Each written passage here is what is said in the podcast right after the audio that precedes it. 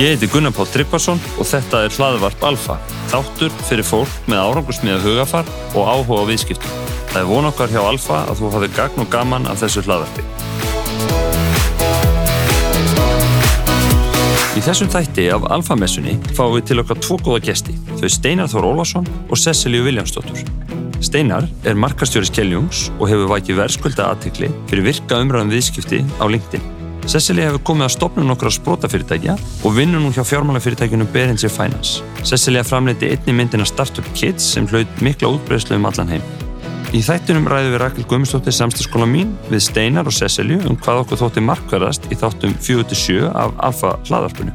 Það voru viðtölinn við Andra Þór Guðmundsson, Sigurlunni Yngvarsdóttur og Líf Bergþórsdóttur. Einni deila Steinar og Cecilia ímsu úr sínu reynslu heimi. Við vonum að þið hefa gaman að greiningu okkar. Við hvetjum því kæri hlustandi til að láta okkur líka vita hvað þið finnst. Við elskum virka hlustun og virka hlustendur. Njóttu vel.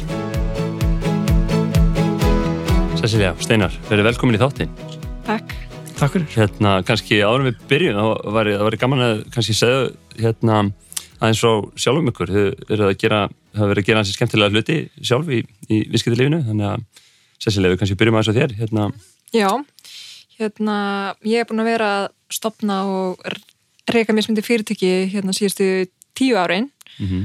og aðalega á hérna sviði fjölmiðlunar og hérna hupunar og og hérna svona þessi helstu verkefni þá er þess að hérna Tagplay er þess að fyrirtæki sem ég stopnaði uh, og er svona efnismarkasettingar hupunar og, og líka hjálpar uh, fyrirtækjum að ströymnilega einir samskipti mm -hmm. það er svona það félag sem ég er búin að vera hérna lengst með og en, en hérna og svo núna var ég nú að, að hérna, skipta yfir á hérna hliðina mm -hmm. og er, og er sér komin úr svona daglegum rekstri og er komin í hérna svona tekni fjárfæstingabanka Erstu velkomin?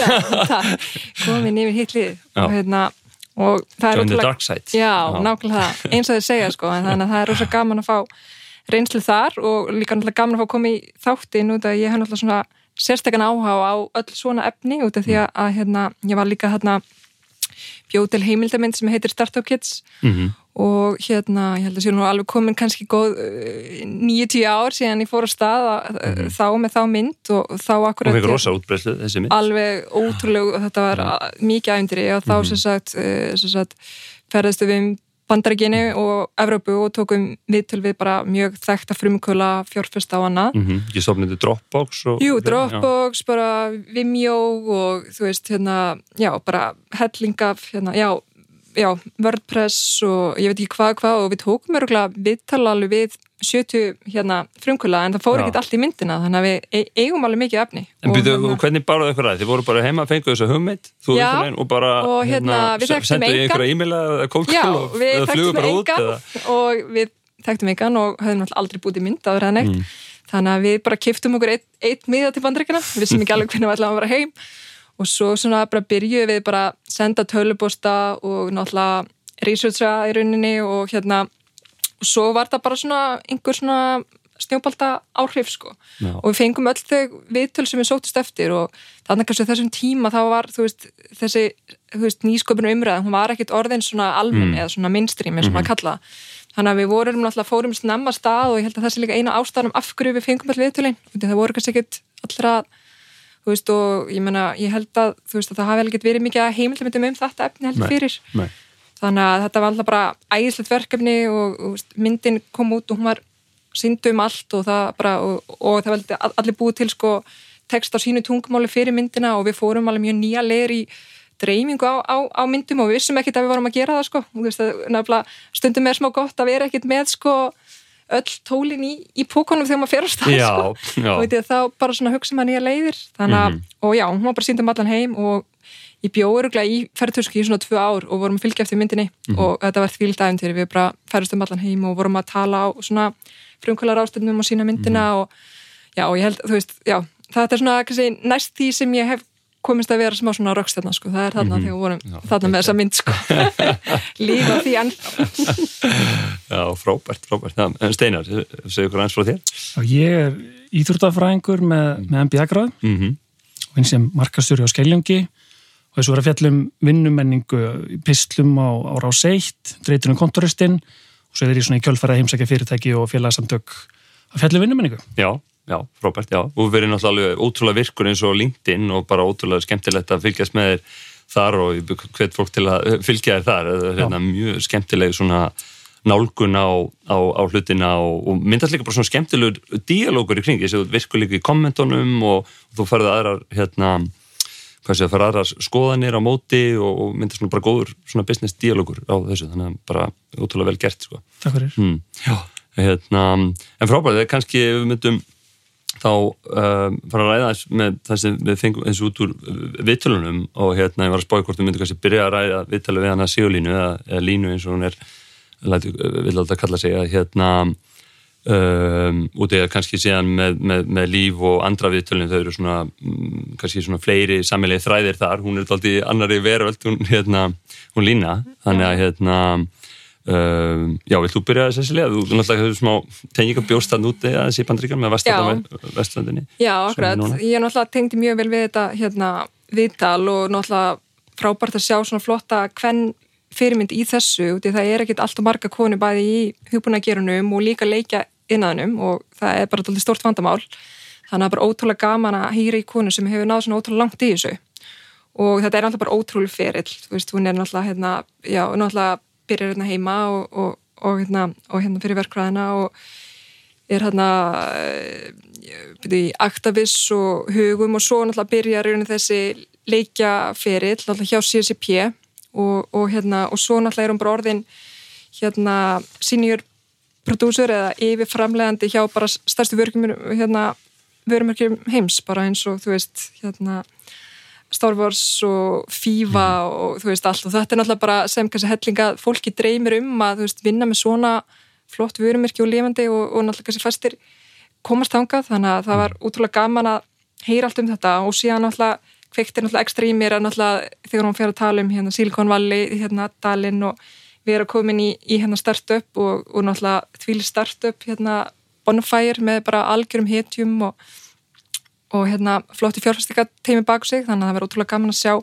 það sko, ég er um hvert að fyrr og líka bara því hlustað á það, það var bara svona þú veist, þú veist það bara kveikti svo í mér bara svona, núna langar mig aftur út út í að bara þetta umhverfið hérna í, hérna, í kísildalum, ég held þú getur ekki fara á neitt stað þar sem er svona ógeðslega mikið af samakomið svona skapandi fólki, þú veist, uh, miklu fjármagni og svo bara þessu sem er bara, þú veist, í rauninni þessu hugafari, sko, þú veist, mm -hmm. að allir hjálpa stað og allt er hægt og eitthvað svona. Og það er bara myndast einhver sérstök blanda og það er ótrúlega gaman einhvern veginn að verða vittnaði og líka það, það er, vel, það er allir svo veltengtir eins og hún hérna neymdroppar hann bara einhverju nöfnum og þá er þetta bara, þú veist, aðal fólkið í þessu mm -hmm. og ég fann sko þessu þegar ég var hann úti og við vorum þá á, á hérna þeim tíma með svona uh, sagt, þú veist, eitt fyrsta iPhone-appið, þú veist, á Íslandi í rauninni og en veist, við vorum að hugsa þetta mjög stort og alþjóðlega og það hétt sem sagt kynvins og það var svona samfélagsmiðla leikur í rauninni, mm -hmm. þú veist, á kannski undan áður að vorum að posta í Instagram stories og allt þannig og hérna, þú veist, og þá bara mann ég að sko, við vorum að búið töltu aldrei svona Sims for real life. Og, og, og, og hérna, þá sem þetta er bara haft sambandið okkur úti, bara herðu, ég er hérna aðstofað með hérna Will Wright hérna vil ég hitta hann og sem sagt, Will Wright er sko hérna bara aðal uh, höfundur og hugsuður á baku Sims leikina. Mm -hmm. þú veist, og ég held bara ekki á neinum öðrum stað í heiminum, þú veist, myndi þetta gerast. Mm -hmm. og hérna, þannig að þetta er svona doldið kveikt í mér. Og auðvitað náttúrulega, já útrúlega bara svona lifandi heimur sem hún alltaf er í Já. og svo varst mér líka svo gaman og ég fæ kannski aðs að taka hvernig vingilin hérna á þetta að, að hérna hún alltaf kemur inn og alltaf bara bæði alltaf mjög sterk fyrirmyndi þessu sjálf sem hún er að gera og, og þá alltaf kemur hún bara inn á hérna mikilvægi í rauninni hérna, hérna fyrirmynda og nefnir hérna akkurat drannmígurist og mm -hmm. það sé eina ástæðanum akkur hún hérna fer í, í verkfræði og ég man svona sjálf eftir þessum tíma sko, þú veist, þess að ég fór í hérna, ég er svona uh, hagfræðingur sko, en þú veist, ég byrjaði í verkfræðinu og ég held að eina ástæðanum af því er bara, þú veist, í rauninni akkurat hérna, já, bara, þú veist konundar sem voru framan á blöðan og hérna fórstunni þar voru með verkfræði bakgrunn, þú veist, mm -hmm. þetta er ekkit fljóknum það, veist, það bara skiptir svo miklu máli mm -hmm. þannig að mér ást ótrúlega gaman að, þú veist, tengið aldrei í það sko Já, já Einmitt, já, þetta er þessi andi eins og þú segir á þessu stað og maður sá eins og hún tók svona sjálfsrækt sko mjög alvarlega og hún var með, hún með, hún með þjálfara sko, eða svona eins og life Já, coach já, sko, já, sem já. er alltaf ekki mikið, mikið þekkt hérna og og, var að setja sér markmið með þeim og hún með hérna, Mhm. hún með notaði Pinterest, var að setja upp svona vision board og, og fleira og búin að hugsa hvernig hún að vera þegar hún var í 60 og, og annað þannig að hérna, einmitt Já, maður mað sér það bara, hún er greinilega mjög snemma svona haft mikla sjálfsvitund og svona skýra sín hvert hún að fara og svona bara, er svo gaman að sjá svona áhverju karakter, sko, ótrúlega staðföst og hugrakk, eins og fór að tala við hérna yfirmann sinni CCP og bara, ok, þeir eru greinilega ekki að horfa á framtíðina mína eins og ég, bara, ok, ég þarf bara að finna nýtt tækifæri, bara því litt hugrakki, sko. Akkurat. Einmitt, Líka bara flott að gera sér grein fyrir því, þú veist, að, þú veist, kannski var hún bara komin, þú veist, eins langt hún gatt kannski þar og þá kannski bara komin tími á að skipta og, og, og hérna fá nýtt tækifæri, sko. Mhm, Þú veist, Þannig mjög flott. Það er þessi strategíska starfsþróun hjá henni Mm. sem er ótrúlega skýr og mér finnst bara ótrúlega cool að vera einhvern veginn þarna Mhm. tilbúin að einhvern veginn segja bara, heyrðu, tækifæring er ekki hérna, þá er bara fara eitthvað annað Mhm. og, og það er kannski líka áskorun bara fyrir fyrirtæki einhvern veginn yfir höfuð er að halda fólk eins og henni vinnu er bara greiðilega stór áskorun þetta er fólk sem vill fá að vaksa í starfi og, og takast á nýjar áskorunir Mhm. og ef það er ekki bóði þá finnur það þessi tækifæring stór annar starf Já, já, en, en þú nefnir þetta með strategist starfþróun, hérna, langar mér að spyrja líka Steinar, hérna, og ég, ég þekki alveg svo með þér í MBA-náminu og let mjög vel að þér, hérna, og, og hann var um til að segja að hvað væri strategískur, hafi verið bara þessum, þessum tíma, svona hugsa bara þessum um þig og svona karriér og þitt development og annað, menna, er einhver svona þú getur deilt með, kannski fólki með þeir út frá svona þínu perspektíf? Mm, sko ég, mitt einhvern veginn teika á þetta hefur alltaf verið bara að hérna, reyna að gera eitthvað sem ég veist skemmtilegt sko. Uh, en ég fór í íþjórtafræði og hérna var ég mitt heyraði öðru viðtölum. Eða sérstaklega hún segir sko hún fyrir vélaverkfræði því hún vil ekki útloka neitt. Já, sko, já. ég fyrir í íþjórtafræði sko þú veist það er bara, Já, ég, ég, bara ég bara basically búin að taka og lása á einni hurð. Það er hérna leikfum í kennarin þannig að ég, mað, maður þurfti einhvern veginn ef ég ætla ekki einhvern veginn Mm. að enda þar að þá þurfti ég að, að gera eitthvað sem svona opnaði fleiri til og MBA námi var klárlega það. Og, og þetta er svona partur af þessu bara. Ég vissi ég vildi ekki vera leikfumi að eilífu þannig að, að, að það var svona hluta þessu líka. Já, en þú eins og segir, bara og frekar ungur orðin þannig að markastjóra skelljungs og í rauninni bara frekar stuttu eftir þú klárar MBA-námið, ekki satt? Jú, í raun og veru og, hluta þessu var MBA námið sko er einhver leiti hérna snoppað fyrir erlendu gráðum annað en hluta minni svona strakitísku ákvörðum tökka og líka bara tengslanetti sem að ég myndi búið mig til í Kupen eða Bandaríkjunum engstar er ekkit endilega relevant fyrir mig Já, af því að já. ég sé fyrir mér að búa í Íslandi og, og ég vil freka byggja mér upp tengslanet á Íslandi Já, og, og þetta er fjármál- góðu punktur sko, einmitt ég var í MBA-námi í Bandaríkjunum og einmitt það er náttúrulega ótrúlega margir sem er í náminu bara fluttu, þú veist, kannski miðríkina í Bandaríkjunum eða, eða eitthvað annað, þú veist, einmitt, maður er ekki þessum eh, eins og oft í samskiptu við náttúrulega fólki hér sko, Nei, og þó að MBA námið hérna heima sé mjög flott að þá eru kannski flottari kennarar úti en, en helmingur næði sér líka fólki sem kynst í einmitt, það er góð punktur sko, að- þetta er ekki alltaf betra utan sko. Nei, nei. Já, en, en, en svona var eitthvað sem að hérna og, og sem stóð upp svona þér við, við talum við línu? Ég, sko mér einhvern veginn rauði þráðurinn sem að ég fann svona í gegnum viðtali og hana var, var það tröst Mhm. og, og hún er náttúrulega verkefnustjóri og með fólk að vinna fyrir sig og það var einhvern veginn fannst mér svona rauði þráðurinn sem að, sem að kom einhvern veginn í gegnum þetta allt saman. Og, og hún var alltaf að tala um þetta tröst og, og byggja sterk persónlega tengsl og það einhvern veginn helst svolítið í hendur og ég held að það sé mitt eitt sem að skiptur ósvölu máli er að tröst verður ekki til nema með einhverjum svona persónlegum tengslum Mhm. og, og hún er svolítið að fara inn á það og lagði mikið upp úr því þegar hún var að vinna hjá, hjá DICE með, með Lucasfilm að, að þau voru svona að leggja mikið effort í það sko, að fljúa á milli og, og kynnast og, og kynnast persónulega, ekki Mhm. Já. bara einhvern veginn í gegnum eitthvað að trelloborð einhverstaðar í einhverju verkefnastjórnin Já, Og það- þetta með mikla fjallaðir sko, þannig að það var ennþá meira verunni effort í það að, að, að, að fara í þessi persónulega tengsl. Algjörlega, og svo er, er gaman ég veit þetta er svona einhvern veginn eh, þetta er svona erfitt mála að tala um er að hún er náttúrulega er kona og nær Mhm. komin frama og oft er það þannig að, að hérna, þá vil kallin líka vera þar sko og svo leið sko en, en hún á heimavinnandi mann, mér finnst það bara ógslag flott. Mm. það hann er, hann er hérna í, í þeim pakkanum bara tekur þann hlutan á sig frekar en eins og þetta vill oft verða að einhvern veginn Já, svona, þetta liggur kannski báðu megin og, og, og það er verið að sækja einhver aðstáð annar staðar en hann er bara heimavinnandi og, og hún er í þessum töluleiki heimi og mér, mér varst það bara flott. Já, já, bara já. mjög flott. En svona sem þú hérna, nefndu þú líka að þau voru að tala með svo þessar fyrirmyndir og, og annað Já, hérna, mér finnst hún hérna rosa inspirerandi sem hún sagði sko hvað hún náði miklum þroska í að svona standa föst á sínum skoðunum og þú að hrist upp í hlutunum eins og var að lýsa þegar hún komin í CCP sko ung auðvitað og svona kona komin í svolítið karlæn heim og, og ekki svona þessi típiski tölvuleikja spilandi að hún orðaði þetta ekki þannig að hún sko hún sagði, ég bar of lengi virðingu fyrir skoðunum þeirra og, og litla hérna virðingu fyrir mínum skoðunum, ja. af því hún var svona svolítið svona kom svona, svona öðruvísi, vingil inn í hennar hóp.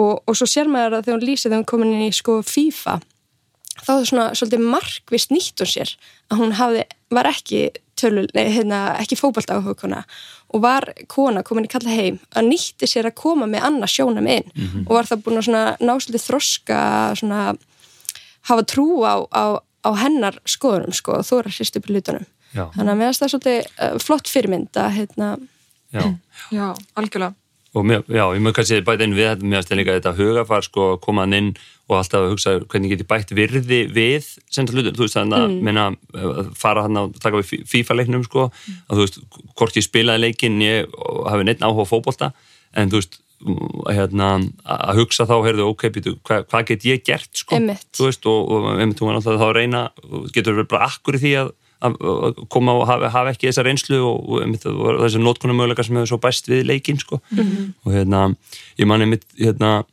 ég var eh, á ráðstöfni í, í, í bandrækjum fyrir tveimur árum sko, og þá var hérna það var skipt, það var sett um nokkra hópa og þau var falið það verkefni að þau ætti að finna leið til að bæta virði við ráðstöfnina og, og hérna og, og það, og maður var einmitt að hugsa þig sko og minn hópa fyrir að bara hugsa bara að þetta er mjög stablist rástefna og hún er mjög, hérna, það er alltaf gengur rosalega smurt og bara heru, þetta er eiginlega, þetta er bara eiginlega fáralegt verkefni sko, en svo sáum að komur hinn um hópunum, bara ótrúlustu leiðir þar sem við voru búin að vera að bæta virði við og þetta bara kendi mér rosalega bara, það ok, þú veist, bara þú, getur með þetta hugafær, getur, getur alltaf bætt hlutina sem þú kemur inn í, saman mm. hversu stablist er og hvort það er FIFA leikurinn eða, eða EVE Online eða eitthvað sem er bara mm. alveg á toppnum þú getur mm. alltaf einhvern veginn fundið leið til að bæta við virði sko, svona verður með þetta að vera eða byrjandi en maður þarf að hafa okkur svona sjálfstörst að þúra viðkjörnum að veit ekki allt og, mm -hmm. og, og spurja mm -hmm. þá af hverju er þetta svona og ég meina kannski þessu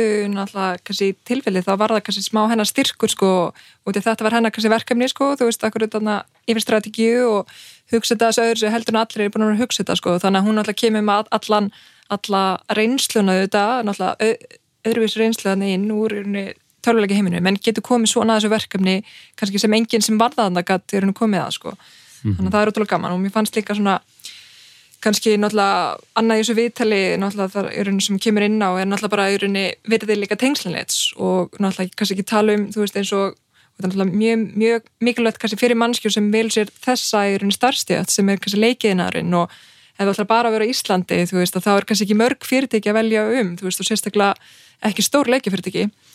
Og hérna og ég raunir bara hvað þarna hún kannski gerir sig grein fyrir því doldið snemma að þú veist að nýta hvert tækifæri bæða þú veist eins og hún orðar þetta ekkit eitthvað svona þú veist eitthvað svona viljandi. Hún er bara byggju upp tengsl og fyrst gaman að kynast fólki og, og allt það. Og svo setna þú veist að þá fer það að spila bara mjög stort hlutvirk í hennar ferli.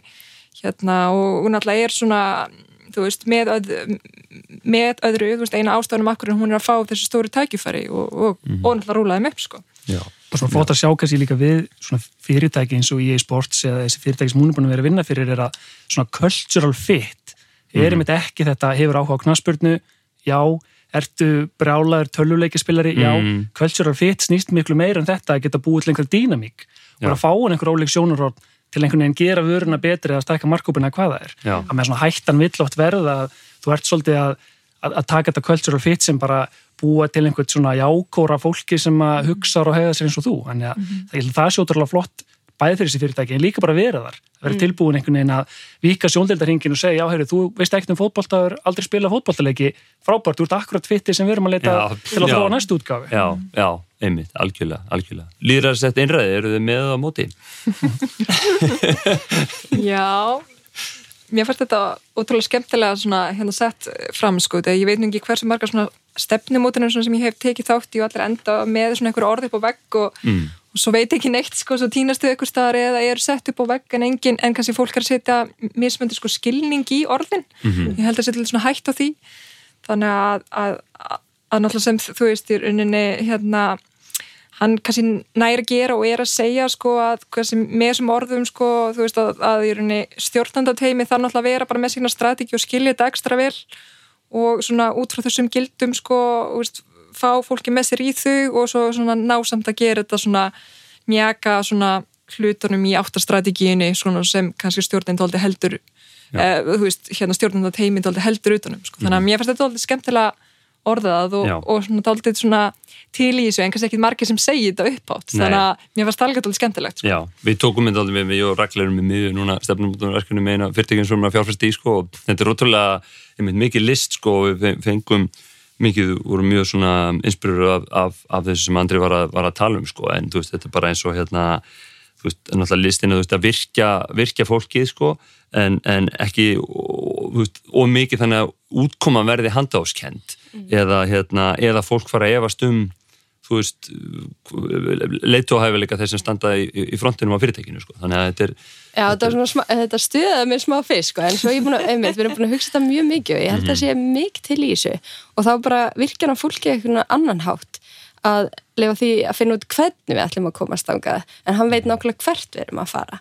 Þannig ég held að sé mikið til í þessu þó að, næmi, þetta er ekki margir sem þú voru að segja þetta upp á Nei, þetta er svona, líf kemur nú aðeins inn á þetta líka? Hún svona segir að kannski svona, þetta var einhver slempulökk að tala og enda þarna. Mm -hmm. og svo segir hún einmitt, þegar þau fóru í Nova þá var þetta mjög strategist hvert þau vildu fara með þetta félag. Já. þannig að ég, hann kannski segir þetta meira svona mm -hmm. opin skarra heldur en hún gera það en, en klárlega hluti á góðri stefnu er að þau eru þetta búið að ákvæða hvert á að fara. Já. Mér finnst það afgerandi svona, maður horfir á þau tvö svona, líkt með þeim í karakter, hvað þau hafa skýra sín Já, Já. Já mér fannst bara mjög margt líkt með þeim sko í rauninni, þú veist svona bæði greiðlega mjög stert markasfólk sko. Markas, uh, svona þengjandi og líka tölur um í rauninni, akkurat þessi skýrmarkmið og og allt svo leiðist þannig að svona, já, mér finnst ég sjá svona margt aldrei líkt með þeim sko og líka mhm. bara hvernig þið hugsa þetta, þau eru greinlega líka svona að einhverju leiti þó þið segja kannski ekki beint út, þau eru svona aldrei veru fólk, svona mm. produktmannskjur eins og að kalla og mér finnst alltaf svona í Íslandi, mér er sko borin alltaf lítil verðing fyrir produktfólki og markasfólki sko, þú veist og mér finnst það er ekkert oft í hérna fyrstjórnstórnum náttúrulega í hérna starra fyrirtíkunum eru kannski fólk uh, í rauninni með markasbakgrunnin sem mér finnst Veist, og ég skil ekki alveg alltaf af hverju sko, það mm -hmm. er ekki sko. En náttúrulega eru þau bæði í náttúrulega mjög svona marka stripnum fyrirtækjum? Þau eru náttúrulega í framleyslu fyrirtæki og síma fyrirtæki sem er náttúrulega kannski skýrið að einhverju hluta. Já, andri raunin breytir þessu þetta úr Já, þessu, og lífi raunin líka eins og talaðum mm -hmm. fjarskipta heimurinn þetta var úrslega bara svona tækni Já, akkurat en það var svona svolítið breyting yfir í að verða svona sölu markastur eiginlega eins og andri segir. Það áherslu að heyra, mm. Já, já, í rauninni mitt hún er alltaf nyrri en, þú veist, ef við horfum á bókaldi eða fjármálið annað, Markus er alltaf nyrri sem svona fókus og fag innan viðskiptfræðinar mm -hmm. og svo náttúrulega núna næsta level að því sem stafrana markasetningu, steinir, ég veit að þú er hérna, verið, verið hérna, það hefur verið þér hugleikið, þannig að mhm. hérna um, nei, einmitt, en þetta er Já, og líka bara bæði þau eru, þú veist, eins og hann í rauninni sem ég tengi svo sterkt við, sko, því að, þú veist, já, svona að, að, að hérna hann er svona bæðið að tala upp sko, þú veist, hún er vist gaman að skapa og ég meina, eins og með fyrirtæki ég var alltaf hugsað í rauninni bara, þú veist, eins og því ég er búin vörur eða fyrirtæki, þú veist, maður er bara mála mynd sko, mér finnst þetta ekkert öðru og hann -hmm. orðaði þannig og þetta er eitthvað svona akkurat eins og ég hugsa um, sko, í rauninni svona þegar ég hef verið að búa til í rauninni mín fyrirtæki, sko mm -hmm. þannig að mér finnst þetta svona gaman hvað er að koma frá þessum bakgrunni og, og hérna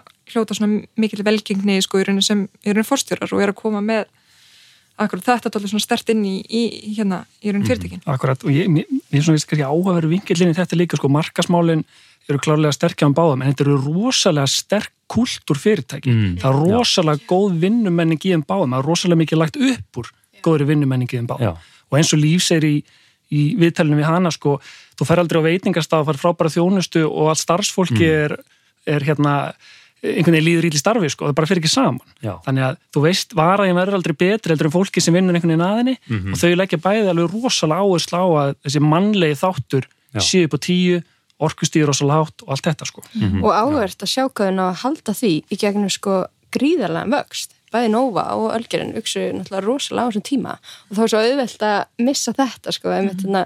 eins og maður segja startup kultúr sko. en þú veist eins og hún segir og hérna, fræðin segir að jörni, þetta skiptir alltaf í jörni, mestu máli í jörni, fyrstu mannskjörnum sem ert að ráða. Ég held að sé, ég man ekki hvort það sé fyrstu sjö mannskjörnar sko, sem aldrei setja kultúra fyrir fyrirtæki sko í, í, í hérna byrjun sko og það er akkur það sem hún nefnind aldrei í hérna viðtalinu og, og mér erstu að tala bæði um bara og þú veist, bara velja besta fólkið sko, eða þú veist, þess að hún aldrei hamrar á, þú veist að, að, að hérna velja bara, þú veist, vinna bara með besta fólkinu og svo náttúrulega, já, eins og segir, er bara merkilegt hvernig þau hafa auðvunni náðað að halda í kultúrin og ánaðarstarfsmenn og, og, og allt það sko í rauninni með í rauninni þess að hérna mm -hmm. með, með vextinum. Já, einmitt ég heyri, að, þau var að ræða við hérna um, sem sagt, fyrir viðtalið við líf þá rætti við hana, hérna Margretti Tryggva sem núna því nóga, hún var að segja mitt þennan þessum fast, svo einstætt við hennar lífi var að sko að, að hvað hann tekist að halda þessum sagt,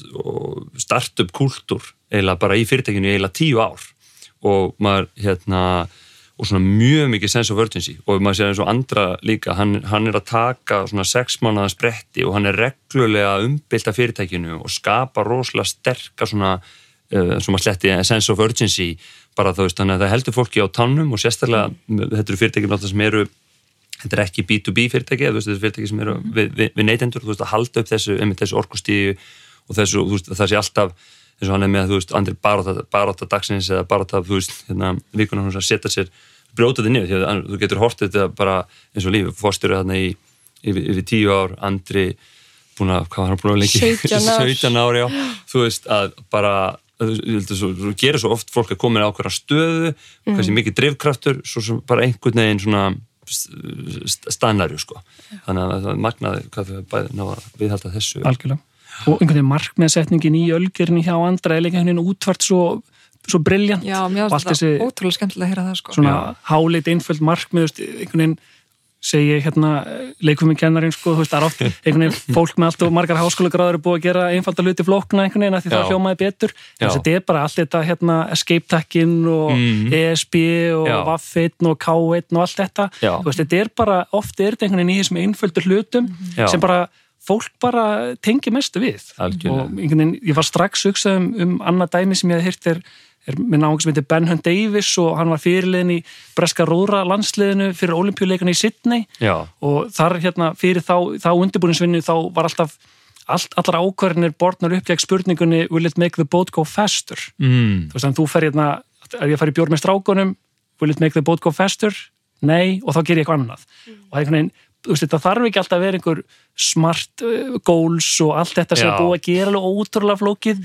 Þetta getur bara verið eitthvað svona sára einfalt Já. og auðvelt að spekla allar ákvarðan tökur í. Já, þetta er áhverjum að segja með íþróttavinkilin, þar, þar er þetta svo sínilegt sko, að þú ert að keppa íþróttum með eitthvað svoleiðis, þá ertu bara lendir í einhverju sæti en þú veist kannski bara eins og konum minn er í íþróttum og veist það er alveg bara, já hvernig var helgin? Já ég var í, veist, fyrsta seti, ég var í þrjaseti, ég var í, þú veist, hérna versus bara hvað getur maður svarað oft þegar maður er í vinnunni sko, þú veist, í business, þetta verður oft svo þetta verður svo óþreifanlegra sko. þannig að einhvern veginn nærða eins og þú segist þannig að gera þetta einfaldara og, og kannski skýrara og bara, og stefna þangað. Veist, það, það, það er mikil einhvern veginn En ég menna, akkurat eins og hann segir, þú veist, ekki að hafa hérna einhverju 20-30 markmið og þú veist, þá gerist bara ekki neitt, sko, mm. heldur bara svona að daldi ná þessu, þú veist, nýður og hafa óslægt skýrt og, og ég menna eins náttúrulega með, með Líf og Nova, þú veist, hún sagði þarna í byrjun þá vorum við bara með fjögurskil markmið, þú veist, ánæði starfsmenn, viðskiptavinnir, besta vörumiskið, þú veist, og besta á netinu. Og þetta er bara svona, þú veist, að maður horfið alltaf nófa og kannski ímynd þess og það sem maður svona fylgst með fyrirtíkunni heyrt að, að þú veist, að þá er þetta eitthvað svona sem, þú veist, maður geta alveg svona samþygt sko að hafi tekist mjög vel sko hjá þeim. Og náttúrulega skiptir ókslega miklu máli í raunin er þetta sem skiptir mestu máli sko, þú veist, -hmm. ánæða starfsmenn og, og, og hérna viðskiptamenn. Og það eru, það eru pottit, veist, mjög skýrar vörður á leiðin að þessu markmið en það er bara búið einhvern veginn að einfald þetta niður á einhvern staða mm -hmm. sem er svona miklu auðveldar að tengja við það heldur en ef þú ert einhvern veginn búin að mm -hmm. leggja þessa vörður upp uh, allar einhvern veginn í eitthvað rosa flotta mm -hmm. kynningu á einhverjum starfstegi sko. Já, algjörlega, algjörlega Já. og mér veist líka að sko við talum um kúltúr og vinnustæðin og svona einhvern veginn að, að og svo líf, þú veist, hún er svona með vísund fókusin á það, á það jákvæða og þú veist, maður fór einhvern veginn að hugsa og maður aðeins að deila upp að vita svona, sínu sögur sko og hérna, og sínu uppbeldi þú veist, og Nova mörguleiti verður svona uppbeldi staður, hún sagði mér þess að sjálf einu sinni viðtali að, að hérna, þá var verið að hérna, spyrja svona gaggrinda spurninga með að vera mikið starfsmannavelta í fyrirtækinu. Þá svo að það er ekkit markmið okkar að veist, þetta fólk sé að selja, unga fólk sé að selja síma það sem restin er æfinni en veist, við erum hann að veist, fyrstu skrefin í þeirra ferli og vonum að sé jákvæð reynsla. En maður sá einhvern veginn þú veist hún að vera að glíma við erfiðleika hana með, með lesblindu og það er með tungumál og annað. Greinilega þú veist hvað fókusinni á fóröldurum hafi verið þú veist að beina þessu á þetta jákvæða sko. Þú Já, veist, ég- hvað getur þú gert, Já. þú ert góð í starffræði herru, já, gerum ykkur gulrót þannig að fer til Danmörkur og þú veist, einhvern veginn held að það hafði örgulega smittað svona í kúltúrin svona bara hvernig, já, bara hjálpaði sem, nóga sem þessi uppeldi staður svona hvað hvað bjóða þessi einhvern veginn. Einmitt, þau svona, hún sagði hérna, lesmyndan hafði lítið áhrif á sjálfsins hennar, af því að þau er einhvern veginn bendinu bara að styrkleikum hennar, þau gera meira því, hún var góð í starffræði og gera meira því, meðan oftast fyrir til hináttin, bara að vera að lesa meira og, og þá verður minni tími fyrir starffræði, eitthvað sem henni finnst gaman og er góð í, þannig að það var alltaf áhægt að sjá Já. það Já, uppeldi. akkurat, bara hérna virkilega vel gert, þú veist, að beina sér þessa átt og átt að segja á þessu og og svo líka bara eins og hún var að segja bara eitthvað svona, já, þú veist ég, ég, ég hefði kannski ekkert fara að læra tungumál sko eða á hérna tungumálabraut en svo sko einhvern veginn er svo fyndið hvernig þetta finna lausna öllu, þarna bara einhvern veginn herðu ok, þetta er kannski ekki típiska leið að hérna, lesa dönskubækunar af hverju flytur ekki bara í Danmörkur eða af hverju flytur ekki bara þangað? Og þannig pikkar hún upp kannski í rauninni tungumálin. Og þarna, veist, þetta er bara svona tími stæmi bara hvernig maður getur tekið vandamál og fundið bara skapandi lausn á því. Og þá er þetta ekki lengur vandamál. Og Já. hérna, já þannig að það var ótrúlega gaman að heyra hvað bara tekið bara mjög svona, þú veist, á þessu og bara hvað þetta hefur allt Mhm. hjálpað henni og mér varst líka bara talað um, þú veist, útlönd og það varst mér svona, þú veist, ef maður horfir á þau öll sko, þú veist, bæði bara línu andra og lif sko, hvað þú veist, þau grunlega eru búin að vera mjög mikið erlendis og grunlega kannski bara stór partur af þeim og, og kannski bara út í þau eru öll kannski svona mannski með svona growth mindset ef maður fær nú kannski að Mhm. sletta smá sko að Lína talaði um það, einmitt Já, akkurat, þú veist, og mér finnst það kannski með þau öll, þú veist, vilja alltaf vera að bæta sig og læra og annað og, og, og svona maður tengi mjög það og líka þetta sko með að, þú veist, opna dóldi hugan og fara mikið, þú veist, þess að reyna að, þú veist, þess að lína velur starf sko þar sem hún getur ferðast og, og hérna lifann og andri bæði náttúrulega fyrstu svona, auðrun sín svona námsár eru líka mjög mikið að ferðast og mér finnst líka þetta persónulega bara rosalega vannmetið og kannski vandar inn á típiska ferilskrá sko, þú veist, það bara hérna interrail sex mánir, þú veist, þú veist eða hérna þrýr mánir, þetta er bara geggjuð reynsla, Mhm. þú veist, þetta er bara þú veist, eins og að vinna tjórakstöðar eða eitthvað. Já, og já, og náttúrulega sem hjálpaði líka að vaksa sko, mér finnst, mér finnst það svona mjög já, áverð Algjörlega, og það þræða mér eitthvað svo þræða punktir mitt með þess að sko óhefbundu leiði til að læra Já. er að sko, þetta er þetta það sem ég held, nú er kannski er ég gerin upp einhverjar hérna Mm. rosalegar eitthvað gameplan sem var ekki staðar og bara einhver, þetta er svona einhver mála málverk og einhver búin að túlka það alveg. Mhm. döðlur en hann var bara að mála strik samt sko, er að hún fer einhvern veginn, það er til einhverja ríkisleiðir sko til að læra eitthvað sem skólakjöru er búið að búa til einhver Mhm. mm. námskar og annað, hún fer einhver óhefbunda leiðir og svo einhvern veginn er þetta samt svo skýrt líka í hennar karriér sko, það er einhver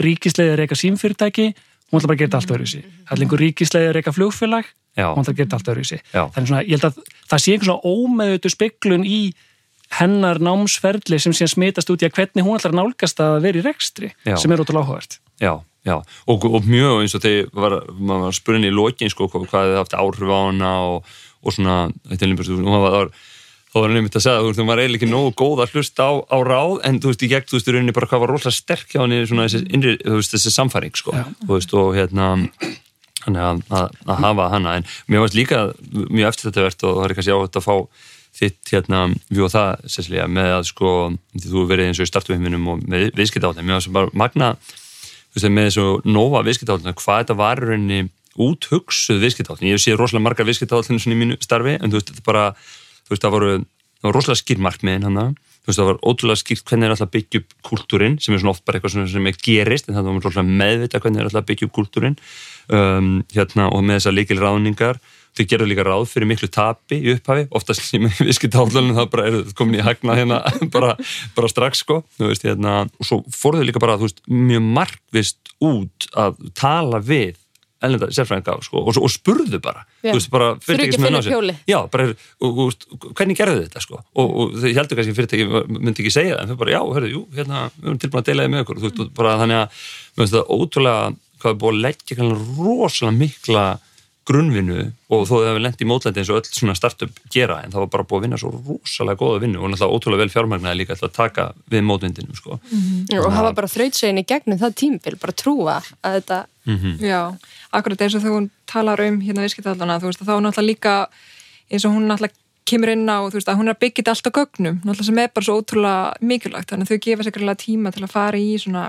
mikið í rauninni market research mm -hmm. og, og, og náttúrulega líka það sem hún segir líka sko, veist, myna, það þarf ekki alltaf að vera að finna upp hjólið þú auðvitað bara nýta reynslu annara mm -hmm. og, og náttúrulega líka bara frábært og hérna að geta farið af stað og það er ekki, veist, allir frumkvölar hérna sem sem hérna sem, að, sem ná að fjármagnin sitt fyrirtækir svona snemma sem er náttúrulega bara frábært að þá fá veist, þá í rauninni vegferð en líka þegar í rauninni hérna hlustaði á þetta viðtal að þá svona einhvern veginn ég, þú veist, jújú, jú, þú veist, ég er náttúrulega ég, ég missi eitthvað um hana en svona persónulega mjög lítið og mér er svona kannski að hafa, þú veist, komir óvart hvað hann er mikill frumkvöld mm. og kannski er þetta bara mér spyrþykamyndin kannski á henni, ég veit ekki, kannski í þeirri mynd sem ég hef séð allavega þá kannski, þú veist, já, þetta er svona viðskiptukona sem hann náttúrulega er, en mér er svona hampa lítið sem frumkvöli, sem mm. ég fannst svona ja. áhugavert út af því að, þú veist, að, að náttúrulega bæði er hún hérna, hérna í raunin stopna Nova, náttúrulega með svona í teimi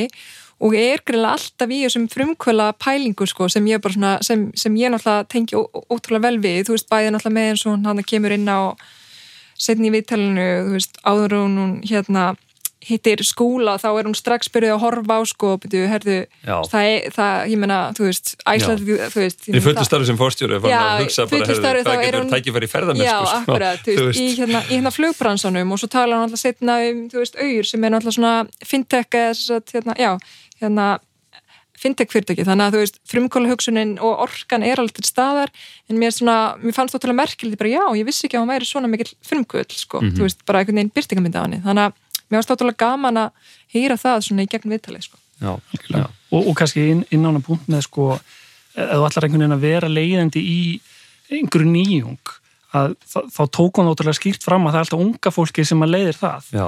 og það er aldrei þannig að hópur af 50 fólki gerir eitthvað og svo eldur restin, þetta er mhm. alltaf þannig að unga fólki gerir eitthvað og svo eldur restin og kannski býrum bæði vel að því að hún er orðin frangotastjóri sko í þessu símfélagi sérst á mhm. undan Nova sko rúmlega þrítug og hún er ekki um færtu þegar hún er að stopna Nova Já. þannig að sko einhvern veginn það að ungur rattinnar heyrist og hún er ennþá meira með þetta um það af því hún var, henni var gefin þessi tækifæri ung mm -hmm. að, að það er ótrúlega stert líka ef þú ætlar að vera þarna í að leiða einhverjar nýjungar einhverjar, einhverjar breytingar er það er alltaf unga fólki sem að mm -hmm. leiðir það allt saman Já, já, já, emitt, emitt, emitt, emitt En var var áherslu að spyrja með marka, þetta er náttúrulega rosalega stert markasfólk, sko, hérna bæði Andri og, og hérna og líf, sko, og hérna þú náttúrulega starfa við þetta og hérna og það var mjög gaman, ég hlusta á því hérna, þú varst í, í podcastvitali hjá honum, hvað Jón, Jóns, hérna, um daginn og hvað varst reynskilin með hvað vöru þú væri að selja, eins og bensin og olju, þetta var ekki svona mest svona sexy vara sem væri til, en, en þú veist bara, varst ekki að reyna að fegra það neitt, hvernig það er, en, en var, var svona eitthvað sérstætt sem að koma upp í hugan svona út frá markasvinklinum sko, kannski, eða, eða eitthvað svona sem þú kannski verður að deila þitt teika á marketing. Já, sko, ég held að Nova, sko, í svona markasmálum í Íslandi lítur Nova einhvern veginn að vera bara, mm -hmm. veist, e, það er einhvern veginn musterið, sko. Og, og hluta til skýrist það því að, að þau leggja rosalega áherslu á ímyndarvinnuna, það er Já. rosalega mikið lagt upp úr ímyndarvinnunni, þessi vinarhingitónar mm -hmm. skautasvelli, salibunan allt þetta og einhvern veginn gegnum það er búið að byggja upp eitthvað sem að kalla eitthvað brand equity og bara rosalega stert vörumerki sem Nova er. Og hins innfélagin eru náttúrulega búin að reyna í, í hérna sinni vegferð einhvern veginn að skáka þeim og núna nýjasta útspilið er þetta 101 sambandi sem er einhvern veginn svona Avengers hópur af áhrifavöldum mm. bara svo heyrðu, smölum bara öllum áhrifavöldunum saman Já. og nú bara ráðustu á þau en samt einhvern veginn er bara heldur Nova ótrúlega vel velli og það skýris bara í að þau eru að keira mm. rosalega sterku vörumerki að menn hættan oft þegar fyrirtækir eru meira stýrið áfram af fjármála fólkinu sem er að tælja böninnar mm -hmm. að það vil bara fara í hörðursöluna strax bara Já. selja, selja, selja menn þau eru tilbúin að segja ok, við erum bara leggja rosalega mikið upp og byggja upp sterka ímynd þannig að það skila sér til langstíma, ekkert endilega fallit inn á þennan fjórðung uh, núna sko Nei, og nei, það nei. getur verið hættan en ég held að það sé svona kannski svona, sem er virðingaverðast við nóværi þau eru búin að leifa sér að vera í þessari vegferð Mhm. frekar en að vera, þú veist, þetta þarf eitthvað að blanda en, en þetta er, liggur ekki bara 99% á einhverju, hardselli Þetta er mjög góð búin líka, þú veist, að marketing það verður oft svo, þú veist, ósýnilegt sko, þú veist, þetta er einhvern veginn að selja það ósýnilega þú veist, og þú, þú, veist hvað kostnæðurinn verður en, en þú getur budgetera hann en actually hvernig þetta skila sér og, og, Og hvenær. og hvenar og já, einmitt, það, það er einmitt, það, það er snúið sko. L- líka bara eins og markasetningi hjá þeim er náttúrulega bara byggð á mjög svona sterkri stefnu eða er rauninni strategíu sko. Og náttúrulega bara gaman að sjá náttúrulega þú veist eins og bara hvernig strategíun og, og hérna markasetning tengist og náttúrulega þegar þeir fara á stað þú veist eins og hún segir bara ég meina þú veist þetta er náttúrulega rosalega sterk markas þú veist hérna fyrirtæki sem við erum fara að keppa við. En hérna en þannig að þú veist, við erum, þú veist, við erum svona, þú veist, við erum ung, við meðum gera allt okkur svona, þannig að við getum við verið sko öðruvísi. og svona, þú veist, unni þá með þetta nýja og náttúrulega þeir fóru, þú veist, þau náttúrulega veldu sko að fara, þú veist, í gegnum netið mjög snemma, þú veist, öðruvísi leiðir í markasetningunni og náttúrulega í hérna, í hérna strategíuna að einblina á, á tæknina og náttúrulega í rauninni hérna netkerfin og hérna 3G og náttúrulega aðalega kannski 4G sem þau svona ákveða bara, herðu, þetta er hérna máli, við ætlum að keira á þetta. Og þannig að þau, þú veist, eru alltaf mjög mikið að vinna í á strategíu sem er, sem er þessi bara netið síman strategían og svo fylgir náttúrulega markasetningin og hérna, og náttúrulega mjög störst fyrirmerki þessu rosalega vel eftir. Og hérna, já. Og náttúrulega líka með að svo gaman sko hérna, þegar hún er að tala um þessar tímasetningar út af því að maður er náttúrulega búin að vera með mismundi fyrirtæki og maður er svona að byrja að læra aðeins hérna, inn á það og ég svona díli við, svona díla smá við það. Luxusvandamáli vera alltaf nokkrum árum undan fyrst mér mm. og hérna, og núna er ég samt aðeins byrjað að svona hérna, aðeins byrjað að þekkja betur bara já, ok, núna er þetta sem ég var mikið að spói fyrir 3-4 árum að Já, gerast. Já, og, og þá, þú veist, hvena maður á þá að, þú veist, koma inn, sko. Og já, og mér fannst hún hérna einhvern veginn koma mjög oft í viðtalinu inn á þetta hvað þetta er alveg gífilega mikilvægt í rauninni, hérna, tímasetning. Og líka með tímasetningu, þetta er svo margt sem búin að gerast, veist, í tækninni og, og líka, veist, bara í hegðun fólks, veist, sem þurfa að breyta. Svo kemur ný jafnvel núna sem breytir öllu. Og þetta eru svona marg, mörg svona element sem eru að koma saman, bara eins og ef við tökum svona nærtakt dæmi við mig bara í hérna sem hugbúnarheimi, ef við tökum bara Airbnb sem er bara svona byggt á þessu dreifi hagkerfi, þú veist, sem allir kannski þekk í dag að það er náttúrulega komið hellinga vörum í því. En dreifi hagkerfi hefði til dæmis aldrei verið til ef að Facebook hefði ekki komið undan. Og því að Facebook er að byggja sko tröstið að þú getur tengt Facebook uh, prófílið þinn við Airbnb og þannig lagað sko gefið einhvers konar tröst að það sé manneskja þannig bakvið. Þannig að það eru alls konar svona hlutir sem þurfa að koma saman inn í tímasetninguna sko. Og, og hérna, já, hún fer svona doldið vel inn á það í akkurat hérna viðtalinu í mm þessi tímasetningar. já, frábært. Hérna, svo náttúrulega bara veist maður líka með þessi markmið sko, hérna, hvað gerir þetta myndrænt veist, ég veit heldur með að hengja veist, eins og andri hérna, myndir upp á veggi alltaf, mjög algjörni hvert veist, bara allar sína hvar þeir standa í hluteldum eða búin að myndgera markmiðin sama eins og eins og veit ég eins og nýri Nóa þegar maður löpum hann fram hjá liftunni og leiðin upp að sem maður eins og í símaverðinu búið að hengja upp á veggi sko, veist, fullt af hlutum þú veist, bara eins og alltaf það sést þegar þú brosir í síman og svona fullt af þannig að, hérna þetta er skemmtilegt sko svona hvernig nýta þetta sko. Og hérna ég, ég, ég delti með ykkur líka ég var hérna ég var, þegar ég var sko ég misti vinnuna hérna hjá Köpninsingur og Frílandi sko hérna í, í, í runinu og þá þá horfði ég á eina mynd þarna sem var svo vinsal og var líka mikið gert grínaðan líka í framhaldinu hérna The Secret sagt, og þá var verið að tala um sagt, svo set upp svona vision boards og, og, og, og svo leiðis og hérna og það var eitthvað sem að svona, tengdi við í þessu og ég byrjaði bara að fundra og klippa út einhverja myndir og eitthvað svona sem ég vildi að bara myndi vera að gerast í lífinu sko. Og hérna eiginkonum mér var bara, herðu þú veist vill ekki bara vera að sætja um vinnu hérna núna? Bara það, þú veist, að vera að fundra sko og hérna svo heindi maður þessi nördalegu spjöld sko upp á vegg sko. En það er bara, hún er hægt að gera grína mér í dag sko. Þetta er bara, þetta er bara einhvern veginn þetta virkar sko. Þetta er á svo mörgum levelum, það er svo skýrt hvað þú vilt og eins og þú talar um að steinar einfalda hlutina sko, þú veist bara hvað þú hérna hvernig þú getur representað það í einhverju, einhverju mynd sko. Og svo líka veist hvað þetta hefur áhrif sekkur inn í undirmeðvitundina sko, þú veist þú bara einhvern veginn veist bara undirmeðvitundin bara áhrifin sem þetta hefur á þig þannig versus að eitthvað, eitthvað hérna 40 blæsina Word eða PowerPoint skjál það sem er einhver, einhver setning eða eitthvað sko inn í, þú veist að þessum vortir hann að munna eftir. Einhver leiti er þetta svona þessi svona mikið nota íþróttum svona hugrana atverðlismeðferð mm -hmm. bara svona hvernig hugsun eða sko réttir að hvernig það, já hugsun hefur einhver áhrif á hegðun einhverju líðan já. og þú fyrir að hegða þér einhvern veginn og þú fyrir að líða einhvern veginn og þá fyrir eitthvað að gerast. Og þú er síkret sér hérna, já. fá alltaf það diss og það færa. Já, inn í endi er þetta bara einhvers konar hugran atverðlismeðferð, þú, þú er kannski ekki að fara sörkla bílastæði í bónus og hugsa bara nú losnar staði, nú losnar staði, þá losnar það það kannski virkar ekki þar, Nei. en í einhverju svona vinnu sem að, mm -hmm. þú veist sem bara ræðist að síðan einhverjum já. kerrum í skroknum eða hvað það gerir, eða hvernig það byrjur rúmi eða hvað það er sko, já. getur þetta alveg klárlega að virka og bara hefur samnað sér að virki. Þetta er miklu viðkendar í íþróttum. Já, já, já, eða einhverju fólk, þú veist, hérna, eins og hugran aðeinsmið, það verður fólk sem er kannski tóltið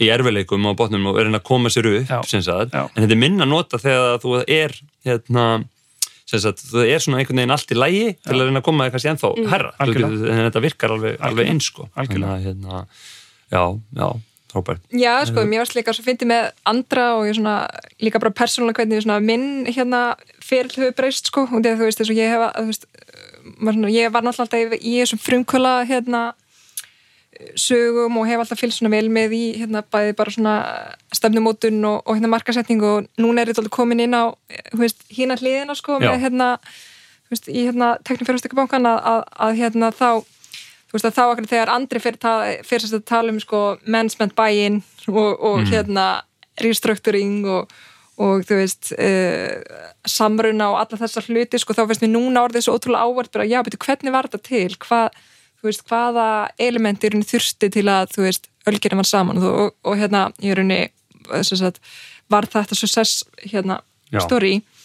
Og já, þannig að, þú veist, svo fyndi hvað þetta breytið, sko, hvar svona áhín liggur, sko, hérna, með það er unni hvar maður er í lífinu eða er að spá í þessa dagana. Mm -hmm. og þú veist, gaman að heyra þessa stöðu sko, hvernig hann svona bæði bara þetta gerist allt sko Já, og þá hann þekki á þessari hlið og gæti láta þetta gerast Já, akkurat, akkurat og er greinlega mjög svona meðvitaðleika um þetta sem tækifæri sko í sínu ferli að fara Já. svona inn þú veist, sagt, þú veist, náttúrulega margir úr þessu líf, hún náttúrulega fyrirtóldir svona kannski frumkvöla leiðin að þessu hún náttúrulega, þú veist, í rauninni stopna svona frá grunni og svo er þetta, þú veist önnuleið, mm. þú veist, að fara svona inn í fyrirtæki þar sem sér tækifæri og, mm -hmm. og eins og þú kannst inn á gunni, þú veist bara margir fórstjóra sem einhvern veginn veit ekki að þetta sé leið Nei, akkurat mm -hmm. mm -hmm. og hann segir þetta sjálfur eins og hann er talað með miklu skemmtilega að vera í attacker-mót þetta er, mm -hmm. er augljóslega bara kartirinn hans já. hann bara er þarna einhvern veginn í DNA-inu sko. ég held að það er svona skínalvi í gegn að, mhm. að mitt, þetta bara lýsir hans og, og í raun og veru síðan ef maður skoðar restin í samengi við það þá einhvern veginn, einhvern veginn er einhver harmoni í því öllu saman Já.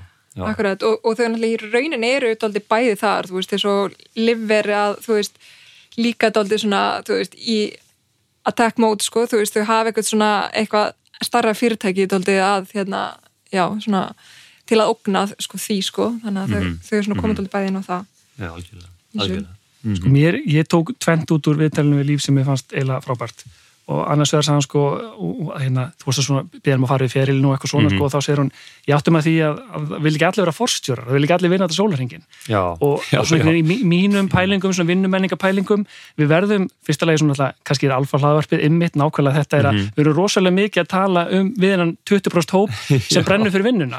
En við glemum alltaf að 80% af fólki mm. það er bara í vinnunni sko. Já, það bara brennur ekkert fyrir vinnuna finnur enga, enga og kaup með frítíma sko. Já, sem er fyrir ekki, það er sorglegt líka bara upp á, þú veist, ég minna við erum svo miklum tíma lífinu í vinnunni, sko, að, að já, finn ekki einhvern neista eitthvað sem getur glæti en, en kannski er þetta eitthvað sem við getum breytið Já, sko, ég, málið, ég held að þetta sé ekki þetta var ekkert að líða illa og þetta getur eitthvað nefað í andliti í bílum á og lappar inn á mótnana, það er óþarfi. en þú þarf heldur ekkert að vera að bara brenna fyrir þetta. og bara, heyrðu, mér langar mhm. eins og hún segir, sko, mér langar miklu frekar að fara í rættina heldur en einhvern fund, sko,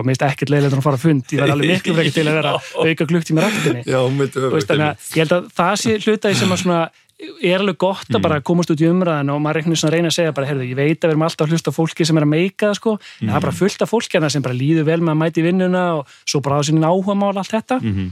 á henni og hinn búndur en þetta sko að, að sko fylg ekki, þú veist þessum, þessum ráðleikingum, bara, heyrðu, fylgdu bara eigin sannfæringu, af því að við erum svo ég held einhvern veginn, sko hlutaði sér að, að það gefa ráð þú veist aldrei sameign einhvers annars, þú veist ekki Nei. hvernig lífan lifir eða hvernig hann hugsar eða hvað bakur hann hefur eða hvað það er. Og þannig ráð verður aldrei meira en bara mín skoðun á Já. þínum aðstæðum, þetta er ekki Já. ráð Nei. nema það sé sko ekkert Já, svona, ég er ekki hvetið alltaf að gera neitt með ráðunum mínum. Nei, og eins og hún segir ef ég hef fyllt fóldra mínum að þá er ekki inn í dag.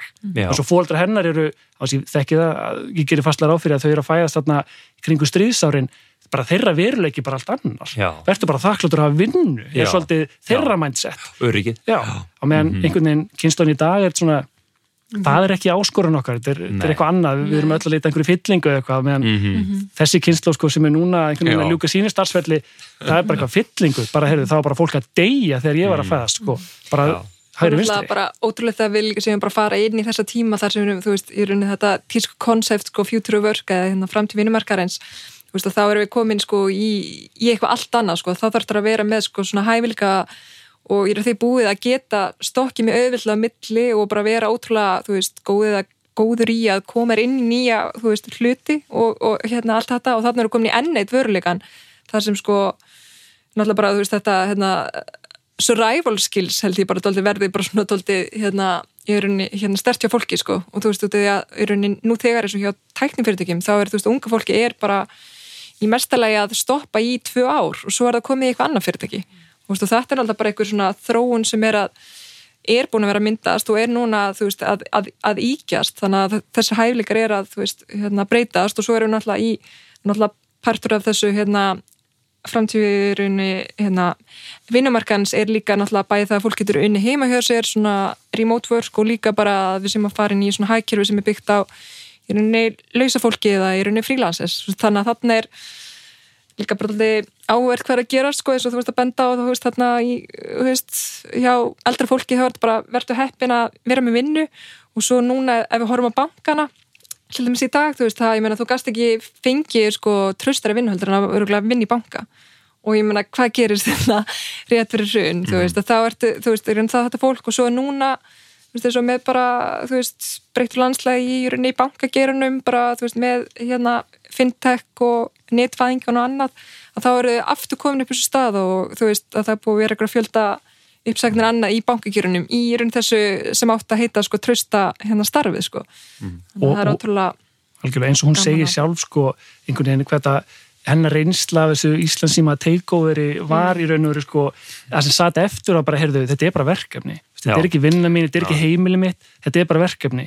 Og þegar maður heyrir þetta er svona einhvern veginn miklu skýrara hjá línu vegna þess að hún er náttúrulega að vinna einhverju vöru sem er sem bara sett á markað og fólk kaupir einhver tölvuleik og þá því svolítið loki og við tekur eitthvað annað. Þess að flesti vinnustæðir er svolítið bara flæði tíma og rúmi, ég meina skelljungur er 90 ára. Við erum búin að selja bensin í 90 ár.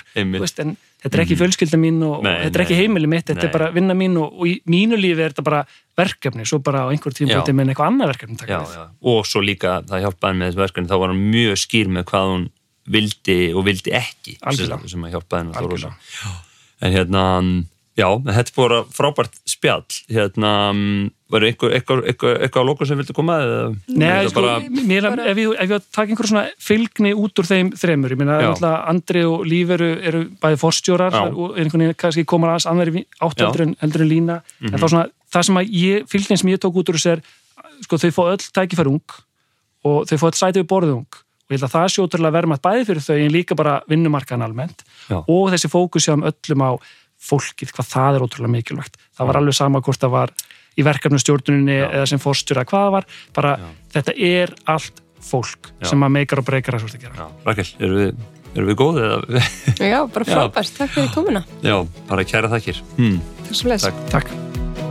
Kæri hlustandi, ég vil þakka þið fyrir áhörðina. Við erum mjög stolt af þeim frábæru viðtökum sem Alfa hlaðvarp hefur fengið og það er okkur mikið kvartning fyrir framhaldið. Ég vil hvetja þið, kæri hlustandi, til að líka við Alfa framtagssíðuna á Facebook eða LinkedIn. Þar tilkynum við um alla nýja þætti þegar þau koma inn og setjum einni ímislegt viðbótarefni sem við teljum að geti gagnast þér. Sem dæmi er þar að finna stutt nýttmiður ráð frá reyndu fólki í íslensku viðskiptalífi. Njóttu vel og við heyrjumst ljótlega.